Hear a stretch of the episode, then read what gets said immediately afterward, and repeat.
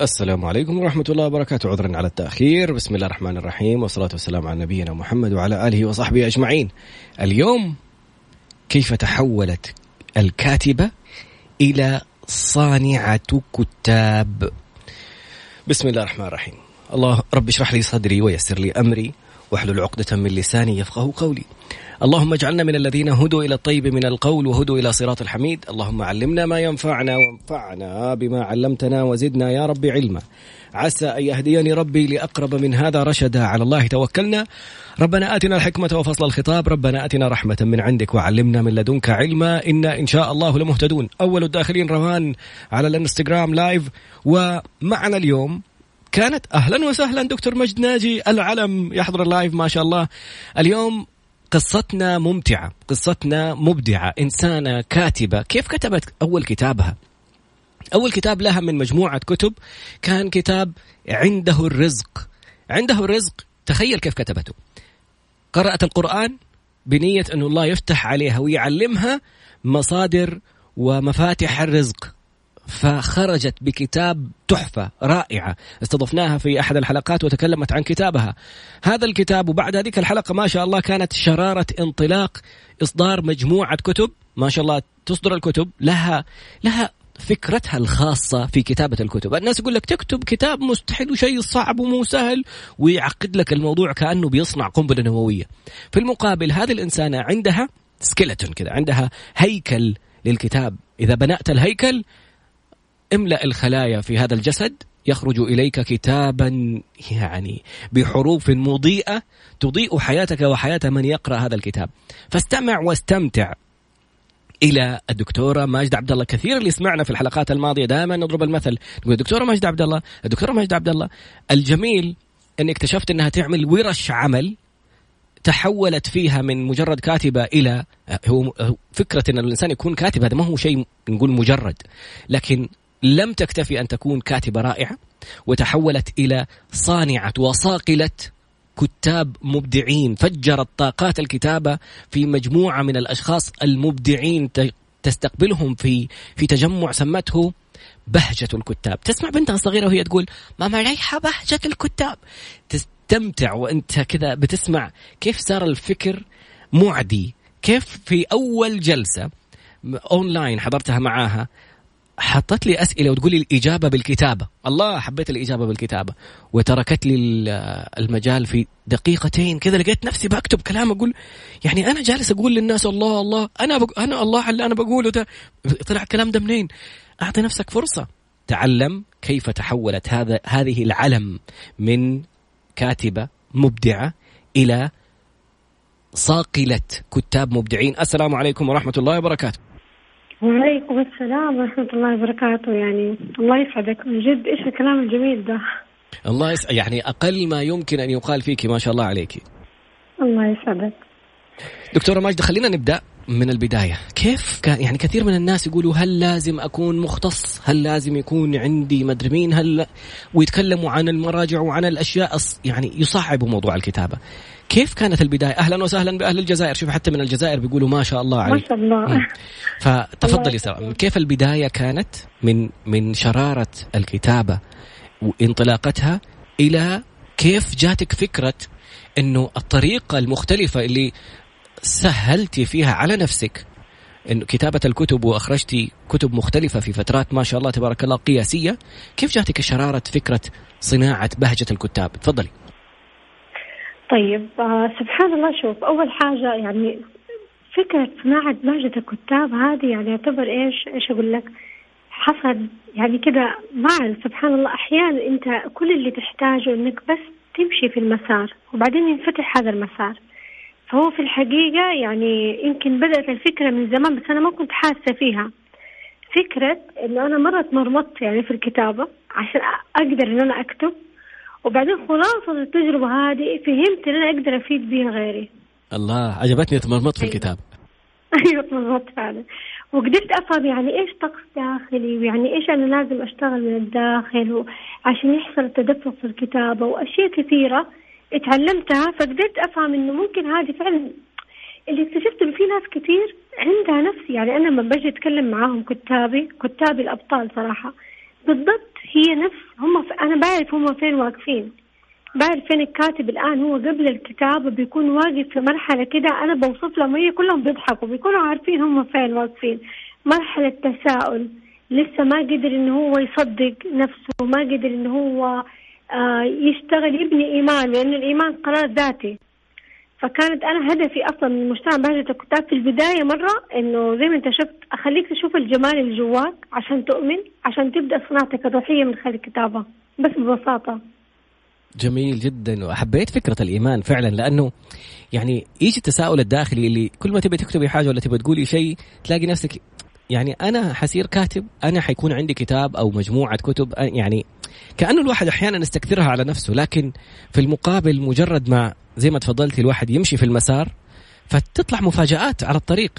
كيف جاءت فكرة ال skeleton؟ يعني أنت عندك مثلا الهيكل على قولك بناء الهيكل حق الكتاب. هذه نقطة جدا هامة وخلتني أشوف wow إيش إيش الفكرة دي؟ ما شاء الله تبارك الله إني أحط أبني الأقسام الأفكار بعدين أغذيها. يصير بعد كذا مهمتي اليومية إني أغذي هذا الهيكل بطريقة يومية إبداعية. ألاقي نفسي في فترة أقصر مما كنت أتخيل. صار عندي كتاب. تفضلي. إيه بالضبط. شوف في الحقيقة هي كمان مش الهيكل بس لوحده ولكن لازم أنت إذا أنت نويت تكتب لابد لابد مرة تعتني بطقسك الداخلي. كثير بتجيني رسائل نصوص يرسلوا لي هي مثلا على ال direct عن سناب يعني نصوص جميلة. بعدين يقول لي والله دكتور أنا من عشر سنين كنت بكتب. الله. تعرف أنا أيوه يعني عارف نصوص يعني أقلام. أنا حضرت معايا يعني ما شاء الله الكتاب اللي كانوا معايا في المستوى الأول ترى ما شاء الله أقلام. طيب هو إيش اللي يخلي الكاتب يجلس مثلا كد... لي عشر سنين بكتب و... والان ما عندي كتاب؟ بالضبط إنه هو معتمد على الطقس الخارجي ما بنى طقس الداخلي. اللي يخليني أنا أكتب واستمد طاقتي من جوايا مهما ايا كانت الظروف من حولي. شوف دكتور أحمد آه، خير عمر اللي أنت استضفته. في كتاب هو أظن آه، ماني فاكر اي واحد فيهم كتبه في الطوارئ كان يكتب تحت طاولة الطوارئ. هنا أنت تتدفق لما يكون طقسك الداخلي متين. حبيت الفكرة. مش أيوه أيوه. أنت تشتغل على جوا عشان تقدر تكون متدفق في الكتابة. شوفي ابن سينا عنده كم مؤلف؟ تقريبا 200 مؤلف. واو. مصطفى محمود تقريبا شيء وتسعين.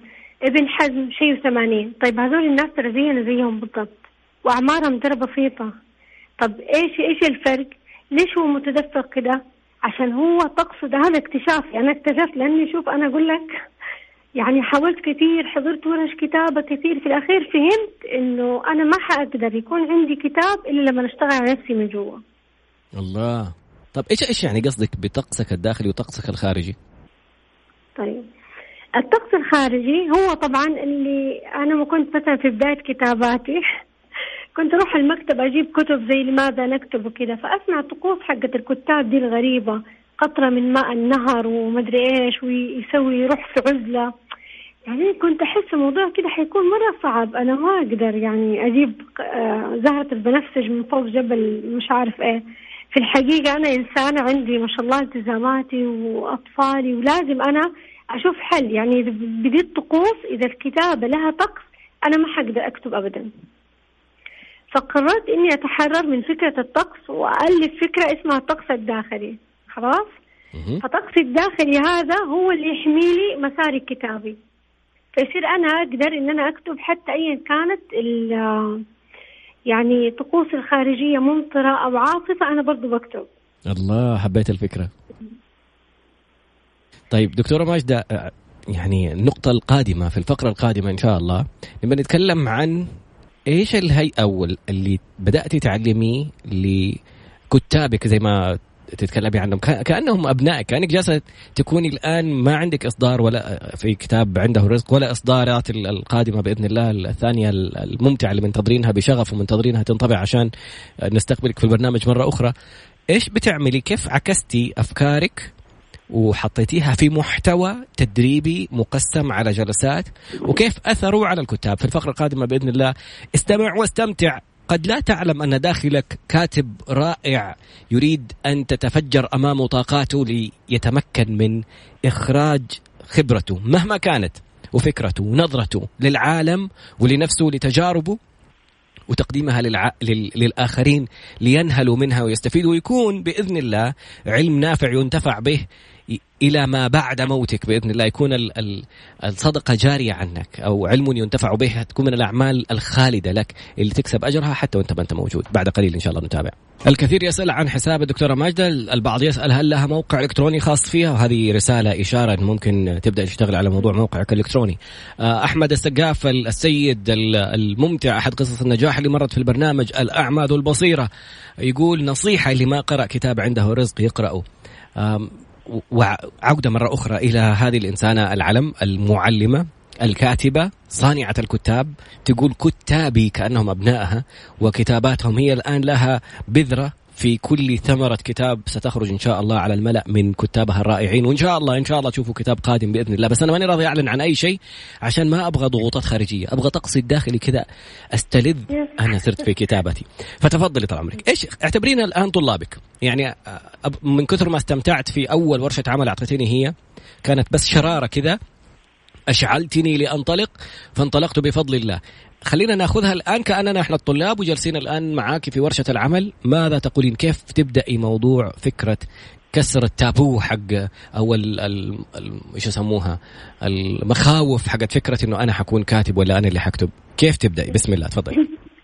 طيب في الحقيقة قدمت ورش كتابة من قبل كنت يعني يمكن دربت أكثر من 400 شخص من خلال مبادرات على الكتابة. طيب؟ وبعد فترة جتني أستاذة وئام الحبشي في ملتقى الياسمين قالت لي ماجدة نبغى نجمع الكتاب. أنا ما كانت لسه فكرة إنه أوكي الكتاب فاهم أنا بعطي ورش كتابة عامة. بعدين طيب تعالي هنحط قيم المجتمع. فحطينا قيم المجتمع منها يعني قيمة الرعاية اخترت قيمة الرعاية. وسوينا أول ورشة. لما عملت أول ورشة ذاك اليوم حسيت فعلا إنه في إحساس رعاية تدفق تجاههم. لما شفت الحيرة والتساؤل وبعض من الألم هذاك اليوم أنا قررت إن أنا فعلا يعني بإذن الله أقدر أرعاهم وأوصلهم بحيث إنه يكون عندهم مؤلفهم فالكاتب لما بيجيني هو بيكون فين؟ واقف بالضبط في مساحة اسمها بدون أنا دائما أسميها دائما بقول لهم مساحة يعني نقط كده بدون اسم يعني هذه المساحة بتيجي بعد أنت بيجيك نداء نداء كذا يقول لك أنا بكتب كتاب بس أنت ما بتلتفت لهذا النداء.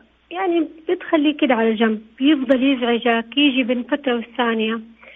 آه كثير من الناس يعني يقول لك إنه لا أنت مو أي أحد يألف كتاب. أنا في اعتقادي ويقيني إنه إذا أنت جاك هذا النداء فأنت لابد تخوض التجربة. يعني أنا هذا النداء أيوه يحسم عندي السؤال اللي دائما بيطرح هل الكتابة موهبة فطرية أم الكتابة صناعة أم مهارة؟ لا أنا ما, ما هذه المعايير ما تعنيني أنا كماجدة اعتقادي إنه إذا عندك هذا النداء فيلا خذ التجربة. خذ التجربة إذا أنت يعني عندك مسؤولية تجاه الكلمة الطيبة. خذ التجربة ولا تخاف. الله طيب؟ حبيت هذه السنة ارجعي أيوة. خلينا نقف عندها وقفة، عندك مسؤولية تجاه الكلمة الطيبة، إيش قصدك؟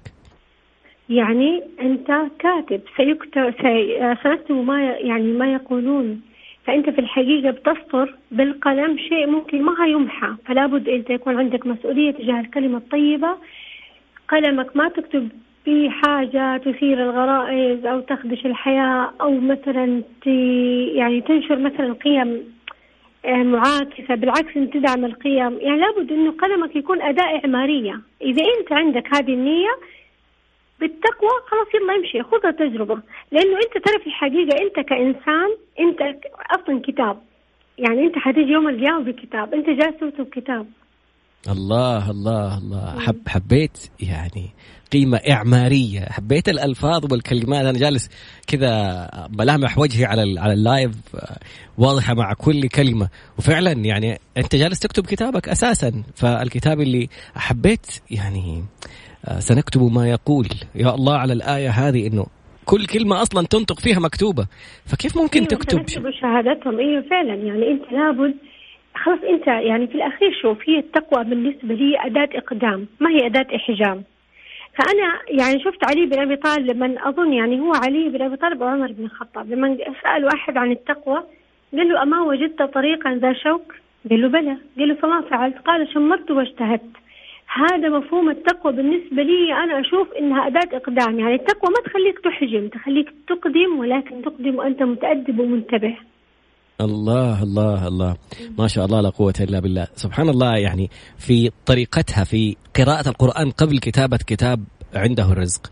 والكتاب القادم أنا متعطش للاستماع إليه تأدبا عند بابه. يعني هذا الكتاب اللي أنا ما تتخيل قديش منتظر ينزل الأسواق عشان ما أبغى الحلقة تطلع. أنا عارف أنه عندك مسودة الكتاب وعارف أنه ممكن نطلع بالكتاب لكن أبغى متى حيكون طباعته؟ قريبا لأن قريبا إن شاء الله قريبا. يعني هو شوف التأدب يفتح المغاليق وربنا سبحانه ألهمني إنه هذا الكتاب تأدبا يكون أول كتاب لي في الكتابة عشان يفتح لي في الكتابة. فالتأدب يفتح لك أي شيء تأدب لله سبحانه. الله الله دكتورة. طيب دكتورة ماجدة الآن خلينا نقول أول خطوات كسر هذا الحاجز وهذه المخاوف وحبيت فكرة النداء. زي فكرة ال... كيف الواحد يكون لما يكون عندك حلم ولا يكون ربي راسلك لرسالة معينة ربي مسخرك كل ميسر لما خلق له. ترى لما تتجاهل حلمك يزعجك يجيك كل شوي أنا أنا كاتب أكتب أكتب. هو لما يتجاهل هذا النداء إيش يحصل؟ يدخل في منطقة كده أنا دائما أحطها يعني عندي كده أحط لها هي في الباوربوينت إنها نقط. هذه المنطقة بالضبط يعني معلش تشبه في أغنية شعبية كده تقول أنا مش عارفني أنا تهتي مني أنا مش أنا. هو يكون دائما في هذه المساحة. هو لا هو قادر إنه هو يصدق إنه هو كاتب ولا قادر يترك هذا الشيء. فيفضل يتساءل يعني يرسل نصوص وشوفوني أنا أنفع كاتب؟ أنا أنفع كاتب؟ طب قولوا لي أنا أنفع كاتب؟ فطول ما هو في المساحة هذه هتلاقيه يجي يقول لك أنا لي عشر سنين كنت بكتب. أنا كتبت كنت بكتب من خمس سنين. كتاب صحفيين يعني كتبوا أنا بيجوني عندي في في الأعضاء في في الورشة. بتكون كاتبة هي كتبت في صحا يعني صحف كثيرة وكده بس ما زالت بتتساءل. حبيت فكرة التساؤل. ليش الناس بيسألوا أو ليش بينتظر موافقة آخرين في بحضر دورات مع توني روبنز ودين هذا اللي معاه شخص اسمه كتب كتاب واحدة قالت له إيش ده؟ هذه جالسة تتكلم عن قصص أنت واشيائك الشخصية مستحيل ينجح الكتاب. هو كان عنده زي ما تفضلتي إيمان يقين داخلي وكتب الكتاب وطلعه وحصل على أكثر الكتب مبيعا في نيويورك تايمز في التقييمات الصحفية أو تقييمات صحيفة نيويورك تايمز أيوة للكتب. طبعا أيوه لأنه أغلب الكتاب يستنى كاتب مشهور يقيم كتاباته. طب أنا بقول لك حاجة. أنت بتنتظر يقيم كتاباتك ليش؟ عشان تؤمن ان أنت تنفع كاتب أو لا في الحقيقة الإيمان قرار ذاتي. ما حد يقدر يخليك تؤمن تؤمن. ما حد. حتى رسول نبي ما يقدر يخليك تؤمن. هذا قرارك الذاتي أنت. فأنت تقدر تتحرر من في من هذه الفكرة. وزي يقول لك إيش؟ شفت اللي يعني كده خلاص يعني تقفل خشمك وتنط في المويه هي يبغى بس دي النطة. يعني بس يبغى لها النطة. أتذكر في المستوى اللي قبل الكتاب ثاني ثاني لقاء كنت أخليهم أول ما يدخل الباب يعرف بنفسه أنا كاتب فلان الفلاني كانوا ترى شوية ما يقدروا. أنا نفسي مريت بدي المرحلة ترى. إن أنت تقول عن نفسك كاتب ترى مو شيء سهل. بس يبغالك إيش؟ ما في حل غير إنك تغمض عينك وتقولها. تبدأ تعرف عن نفسك في حسابات التواصل حقتك في تعرف أنا كاتب فلان. بس ببساطة هذه أول خطوة. الله الله هذه أضيفها في ال bio بعد البرنامج. بعد البرنامج حضيفها في ال bio. كلهم عندي يعني شوف كل الورش اللي كنت بقدمها دائما أنا يعني خلاص هم بيدخلوا من الباب ها أنت عارفين بنفسك أنا الكاتب. ويضحكوا. وصاروا بعد كده في المستوى اللي بعد على طول أنا الكاتب. هذه مرة خطوة مهمة. جدا ما تعرف يعني ترى ما هي كلمة سهلة وأثرها مرة عظيم. يعني هتحطك على المسار. أنت كأنك كده سبحان الله بتصدق مع الله أن أنا أبغى هذا الهدف. أنا كاتب. فربنا سبحانه يفتح لك المسارات. هذا شيء. الشيء الثاني إنه خلاص أنت قررت أنت الآن يعني قررت إن أنت يعني تصدق. بعدها في شيء اسمه صناعة روحية في الكتابة. أنا هذه جدا مؤمنة فيها. الصناعة الروحية في الكتابة الروحية في الكتابة أيوة هذه اللي بشتغل فيها مع كتابي صراحة. لأنه في الحقيقة كتابة الكتاب بالنسبة لي مش مجرد كتاب بتحطه على الرفوف. أنت لازم تصنع من خلال كتابك. يعني شفت لما يقول لك أنت قبل قبل ما تكون أب غير بعد أب ما تكون أب صح؟ قبل غير بعد. صح. الأبوة الوالدية صح؟ بالضبط. أنا لسه ما صار الموضوع بس فيصل شايف قدامي يعني مثال على فيصل زهراني أخوي وحبيبي وزميلي فشايف إنسان أنا أنا شايف أنا طراد يعني مو كل يوم بقابله بس شايف إنسان ثاني تماما سبحان الله. yes نضج ونمو يعني مستحيل. فأنت إذا أنت ما تستثمر هذه الفرصة العظيمة وأنت تبدأ تكتشف نفسك من خلال كتابك فتعود أنت بعد الكتاب شخص مختلف. ارتقيت روحيا ما لها فائده هنا ما انت ما تركت أثر. لأن أنت فاهم قصة غاندي اللي أنا عرفتها منك حقة السكر. أنت عشان تكون تترك أثر لازم أنت تكون هذا الأثر. فأنت كيف؟ أنت لازم من خلال كتابك أنت بتصنع بترتقي. ايا كان الكتاب اللي أنت بتكتبه.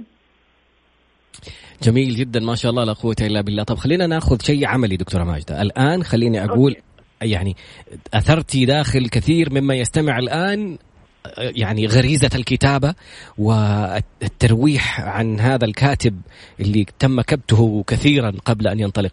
فخلينا نقول في الفقرة القادمة نبغى ناخذ خطوات عملية كيف ممكن أبدأ كتاباتي. إيش فكرة الهيكل؟ إيش الخطوات اللي أعملها من هذه اللحظة الآن اللي أنا بستمع فيها نبغى الأسبوع القادم لما نتكلم عن حلقة قصص النجاح مع أي قصة نجاح أخرى نبغى نشوف مشاركات الناس أو حتى ليش الأسبوع القادم؟ نبغى نشوف اليوم إيش يكون سوى كيف ممكن يتواصلوا معاك كيف ممكن يقولوا لك إيش اللي تغير فيهم خصوصا ما شاء الله لا قوة إلا بالله.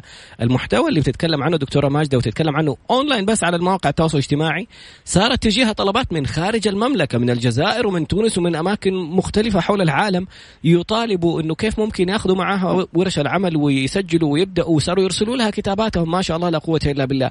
مجرد أن تنطلق الواسع العليم عالم بنيتك يوسع عليك ويطوي لك الأرض لترى إبداعاتك فيها وتنثر سبحان الله بذور أمل صناعة آخرين أو قصص نجاح أخرى.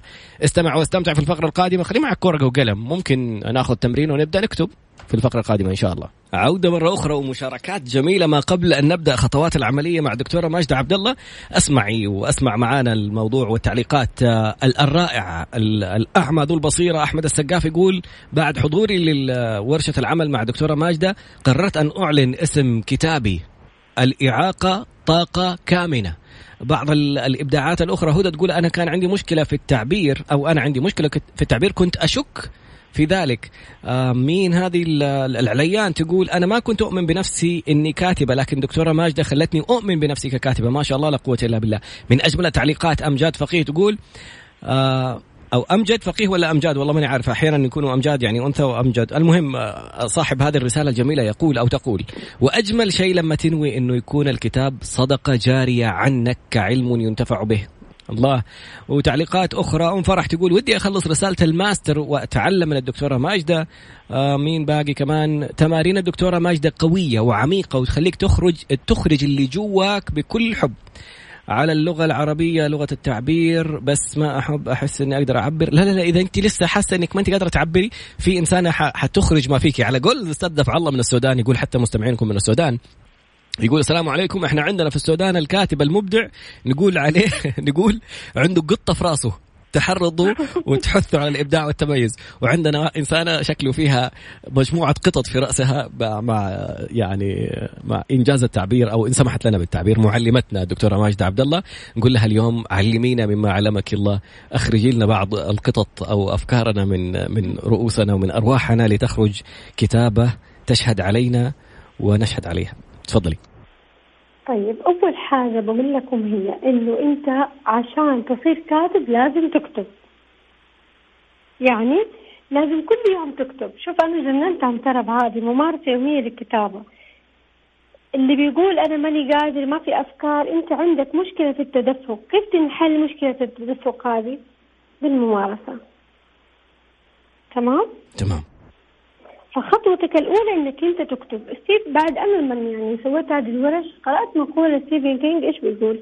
إذا أردت أن تصبح كاتبا اقرأ كثير واكتب كثيرا. لا توجد طريقة أخرى. الله. وهذه أيوة هذه أنا اكتشفتها أنا ترى في البدايات حضرت ورش كثيرة. ما في ورشة كتابة إلا كنت أحضرها وما كنت أبدا أستفيد.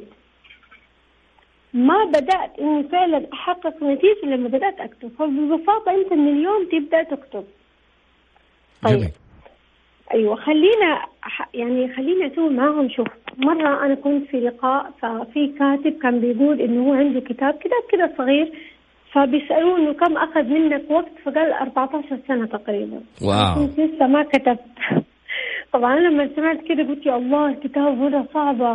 لا يعني مرة أحبط أحبط ما تتخيل قديش. بعدين بعد ما خطة التجربة اكتشفت إنه لربما إنه هذا الكاتب ما عنده خطة. حبيت الفكرة. أوكي. كيف يكون عندي خطة أيوة. للكتابة أيوه أيوه. لابد يكون عندك خطة كتاب دحين أنا حقول لهم إيش كيف تحط خطة مبدئيه لكتابك خلاص؟ إيش رأيك؟ نبدأ بهذه؟ بسم الله. طيب. أول شيء إعداد خطة مفصلة مبدئية لكتابك. خلاص؟ يلا ابدأ اكتبوا معايا. هذه الخطة حتشتمل على إيش؟ على الآتي، العنوان، أنت ممكن طب طبعا العنوان هو ممكن تقدر تختاره في البداية ممكن لا، فيعني حط عنوان افتراضي للكتاب. طيب؟ أوكي. في ثلاث مواصفات للع- للعنوان.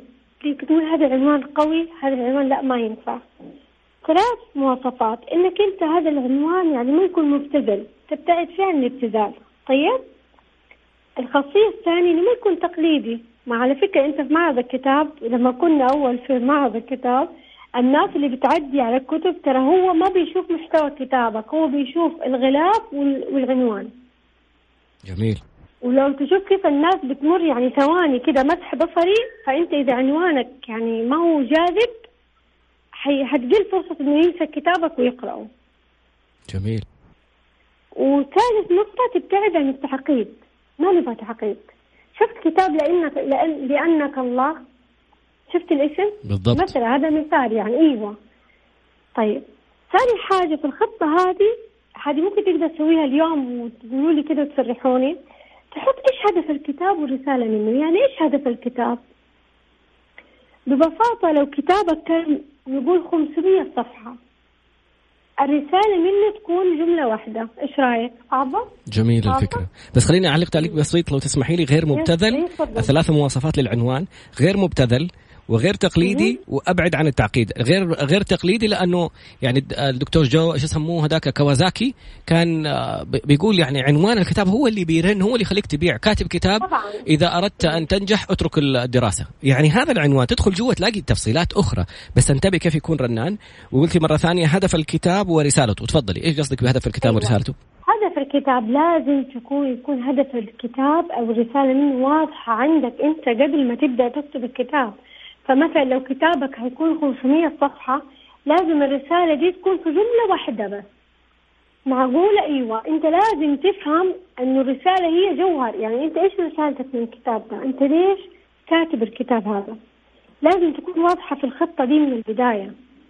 عشان أنت ما تفضل مثلا ممكن خلال كتابتك تنتقل من هدف لهدف لهدف.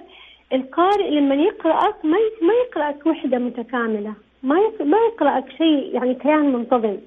فأنت ما تبغى القارئ يتوه منك. أنت عارف كثير لما بتقرأ كتاب إذا هو صاحب الكتاب ما عنده رسالة واضحة حتلاقيه كأنه يعني قصاصات من كل جهة وجهة. وضيع هو ضايع؟ وضيعنا معاه. تيجي نبغى نقرأ. نحس تشتتنا. ما إحنا عارفين انت إنت عايز إيه. أيوه فأنت لازم رسالتك تكون واضحة. أنت ليه كاتب الكتاب ده؟ طيب إيش النقطة اللي هي الكم الثالثة؟ إيش أيوة. فئتك المستهدفة. أنت بتكتب الكتاب ده لمين بتكتب للأطفال؟ طيب لازم أنت كيف بتكتب للكبار للأمهات؟ بتكتب مثلا للمحاسبين بتكتب للموظفين. لازم فئتك المستهدفة تكون جدا واضحة. جميل. الر- النقطة الرابعة. طيب الرابعة. طبعا آه هي راحت ولا ال- الجملة اللي أوكي. خلينا نراجع من الأشياء الأساسية لأنه يمكن الوقت أيوة، باقي لنا راجعة. 10 دقائق. قلنا ثلاثة مواصفات للعنوان آه، يكون غير مبتذل وغير تقليدي وأبعد عن التعقيد. أنا سؤال عندي مهم في هذه النقطة لو تسمحي لي. في ناس يقول لك عشان ماني لاقي عنوان كتاب بطلت أكتب. لازم أطلع عنوان مهم؟ آه. لا لا لا مو لازم ابدا. ترى على فكرة هو ممكن يعني في كتب تتسمى يتسمى قبل ما ينولد وممكن بعد ما ينولد. يعني مرة الله مو شرط أيوه.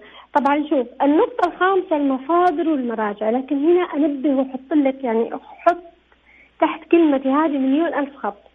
المصادر والمراجع للتوسع والتوثيق. ما تعطيها سلطة على كتابك. أنت ما حتكتب كتابك من المصادر والمراجع.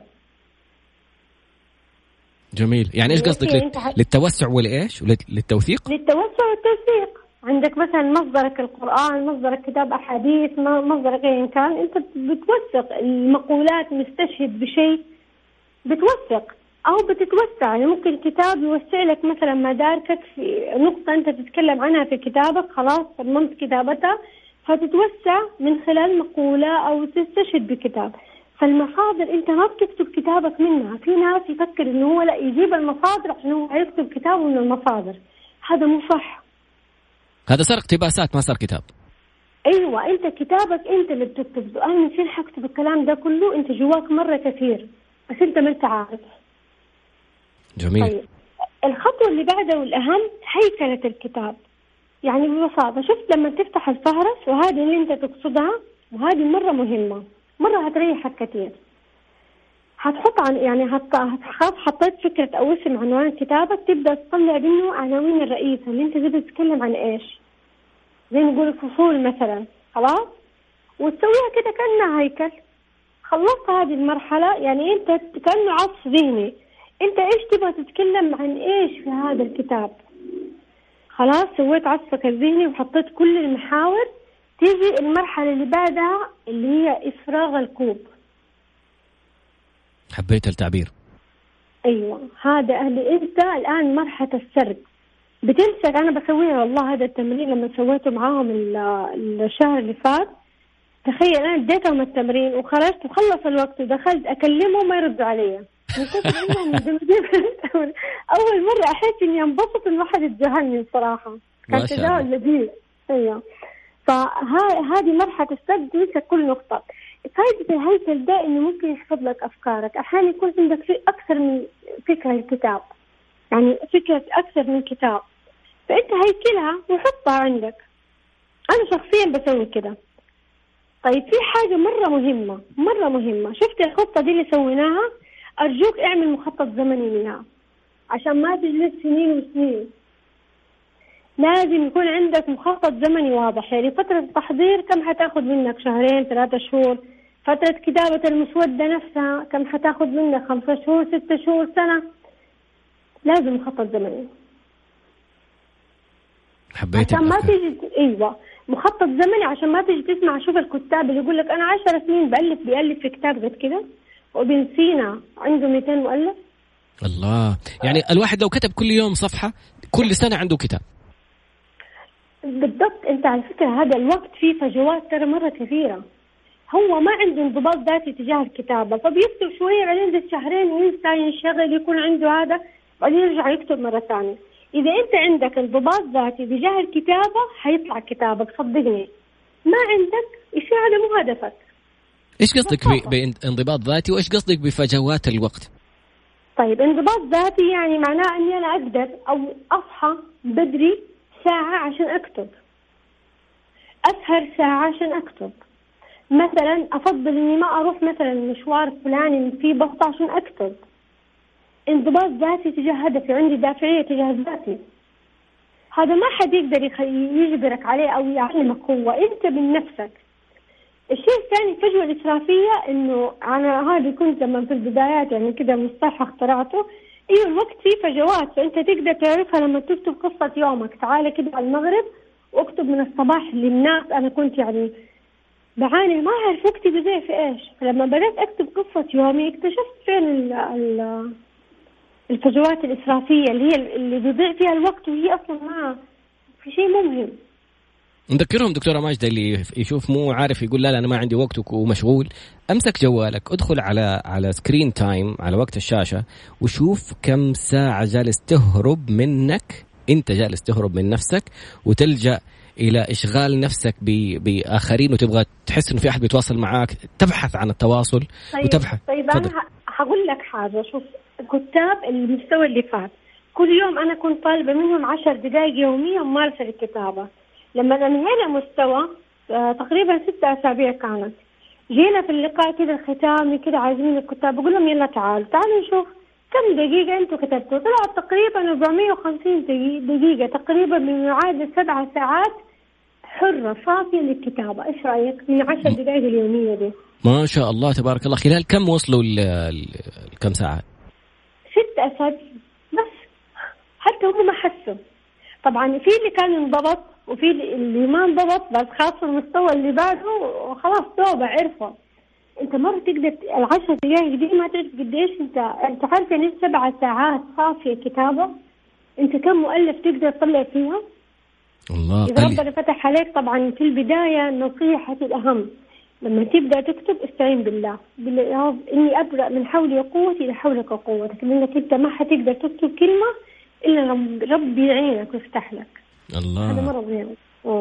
طيب سؤال مرة مهم. جوابه يعني أنا سمعته من أحد الكتاب اللي هو برضو دين جرازيوسي يقول أنا عمري أنا إنسان يقول عندي صعوبات تعلم وعندي مشاكل وعندي مدري مين وعمري ما قرأت كتاب كامل ومع هذا كتبت كتابي. سؤال نوفل بيقول لو أنا إنسان سماعي أكثر هل ينفع بدل القراءة؟ يعني هل ينفع مثلا أكتب؟ أنا السؤال هذا مرة يهمني لأنه أنا صراحة ما أقرأ كتب كثير لكن أسمع كتب كثير أحب أستمع أشتري كتب صوتية أحيانا بشراء طيب، حلو هذا هذا يخليني نتساءل إيش القراءة؟ هي إيش القراءة؟ سيدنا إبراهيم عليه السلام كان عنده برضه إقرأ إقرأ اللي قرأ فيها الكواكب والمدارات والأشياء بعدين قال أسلمت لله رب العالمين. فالقراءة هي فعل مرة أعمق من نصوص أنت بتقرأها. الله. بتقرأ الأحداث بتقرأ نفسك بتقرأ. فالسمع هو قراءة. يعني إذا أنت مثلا نمطك سمعي خلاص؟ أنا ما حقرأ كتب؟ بالعكس أنت حتقرأ كتب أكثر من اللي بيقرأ بصريا لأنه أنت الوقت السماع تقدر يعني تسمع وأنت بتسوي حاجة. هذاك لازم يفرغ وقت معين للقراءة فاهم علي؟ الله. بالعكس أيوه أيوه. القراءة فعل متسع يعني القراءة مش نصوص. القراءة بتقرأ الأشخاص بتقرأ نفسك بتقرأ سبحان التدبر هذا مش قراءة؟ جميل جدا من جد ما شاء الله تبارك الله. أحيانا أحيانا يعني أنا جاني شخص بيقول لي الكلام اللي بتستنتجه ولا تتدبر فيه ولا تتامله هذا وبتطلعه على سناب شات ولا تتكلم عنه في مكان اكتبه خليه يكون مرجع يكون في شيء ثابت. إيه فعلا. يعني التدوين. هنا برضه كويس اني قلت النقطه التدوين مرة مهم. حتى ممكن التدوين الصوتي. مش شرط التدوين الكتابي أحيانا ما يكون عندك وقت للتدوين الصوتي للتدوين الكتابي بس التدوين يحفظ أفكارك. الله. التدوين جدا مهم. على فكرة أحد العاملين مع الدكتور عايض القرني يقول أنه آه، ما شاء الله من تدفق بعض الكتب اللي بيكتبها آه، فبيقول لي عنده حركة أنه في شخص بيكتب يعني الدكتور يفتح الواتساب ويسجل له رسائل صوتية الكلام اللي يبغى يقوله بدل ما يوقف ويدور قلم وفي القلم ولا ما في وما أدري إيه يفتح ال... يكتب له. أيوه يفتح الجوال يرسل voice notes للشخص اللي معاه اللي بي... بيكتب المساعد حقه وهو يفرغ هذا الكلام في كتابات. فيعني كمان نقطة جدا هامة. أحيانا أنا لما تجيني أفكار أفتح ال... الواتساب على أختي ساره أحط لها voice note ولا أكتب لها الآيات اللي أحيانا أمشي كذا فجأة آية أسمعها وأنا ماشي. يعني إنه ربنا يصطفي من أمة محمد اللي يورثهم الكتاب. wow جد دخلت على التفسير حقها إنه إنه ربنا يختار الناس يصطفيهم اللي اللي يخليهم يرثوا الكتاب. يرثوا كأنه هذا الإرث هذا الكنز العظيم كلام الله. ربنا يورثه لأشخاص يصطفيهم على الخلق. صرت تقول يا رب اصطف اجعلني منهم. اصطفني على خلقك بتلاوة كتابك. إنه من جد ترى مهما حاولت تقول أنا الآن حقرأ من الآن للساعة ما أدري كم. تطلع لك أش... لا ما حتقرأ إلا بإذن الله. واللي ربي بيأذن له. إذا أنت في حالة قراءة مستمرة انت أنت مهيئ إنك تكتب. الله. يعني أنت حافظ على التدفق هذا في القراءة. أنت تقرا وانت نازل وانت طالع وانت جاي من نومك أنت في حالة قراءة. ف يعني هذا هو المهم. الكاتب لازم يكون عنده هذا الحس. عشان أنت كيف حتطلع كل القراءات دي في نصوص مثلا مكتوبة. للأسف أمامنا دقيقتين حترك لك إياها ما أبغى أقاطعك فيها وأقول لك وجهي رساله لمن تحب. إيه ليش بتعمل الدكتوره ماجدة؟ أنت طبيبة ما شاء الله وأم و... و... وكاتبة ومدربة. فكيف التوازن وإيش الرسالة اللي تبي توصليها من من الشيء اللي بتعمليه هذا؟ يعني المايك لك باقي منها دقيقة ونصف تفضلي. طيب في الحقيقة ببساطة يعني هو موضوع الرعاية تجاه الكتاب هذا يمكن سبحان الله تجلى في الفترة الأخيرة. آه، حسيت إن التجربة اللي أنا أخطها يعني كده أحس الرعاية تفجر تجاههم.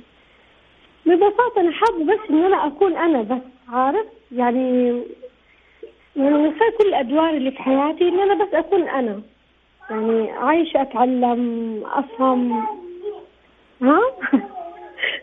بس ببساطة يعني إني أقدر ألهم إني سبحان الله ربي حطني في هذا المكان إني بدأت أفهم إني أقدر أساعد فعلا الكتاب.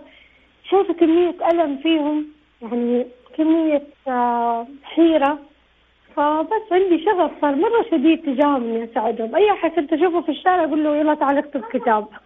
الله الله. عندي تعليق بسيط على على الخلفية الممتعة اللي جالس أسمعها لأنه أحيانا في بعض التواصل مع دكتورة ماجده عندها قاعدة رائعة جدا إنه لما يجي ابنك أو بنتك تكلمك أو يكلمك اسمع له اسمع له وهي في نص اللقاء وفي وسط هذا بتقول لها بترد عليها. هذه النقطة جدا هامة لأنه الطفل في ذي اللحظة جاي يقول لك عندي شيء مهم فلما تسكته وتخليه يعني هو الشيء الأقل أهمية ترى هذه الحاجة ممكن تحز في خاطره وممكن تأثر عليه وممكن بعد كذا لما تجي له افكار ولا يبغى يتكلم ما حيجيك. لكن للأسف وقتنا انتهى لكن لحسن الحظ إنه ماجده الصغيره على فكرة اسم بنتها ماجده وهي اسمها ماجده بعدين ندخل في الموضوع هذا. ماجده الصغيرة أنا أوان الحديث بينها وبين أمها فنتركها ونترك لها المجال ونقول سبحانك اللهم وبحمدك أشهد أن لا إله إلا أنت أستغفرك وأتوب إليك. دكتورة ماجده عبد الله الكاتبة وصانعة الكتاب الرائعة شكرا جزيلا لك استودعك الله. شكرا لك. في أمان الله.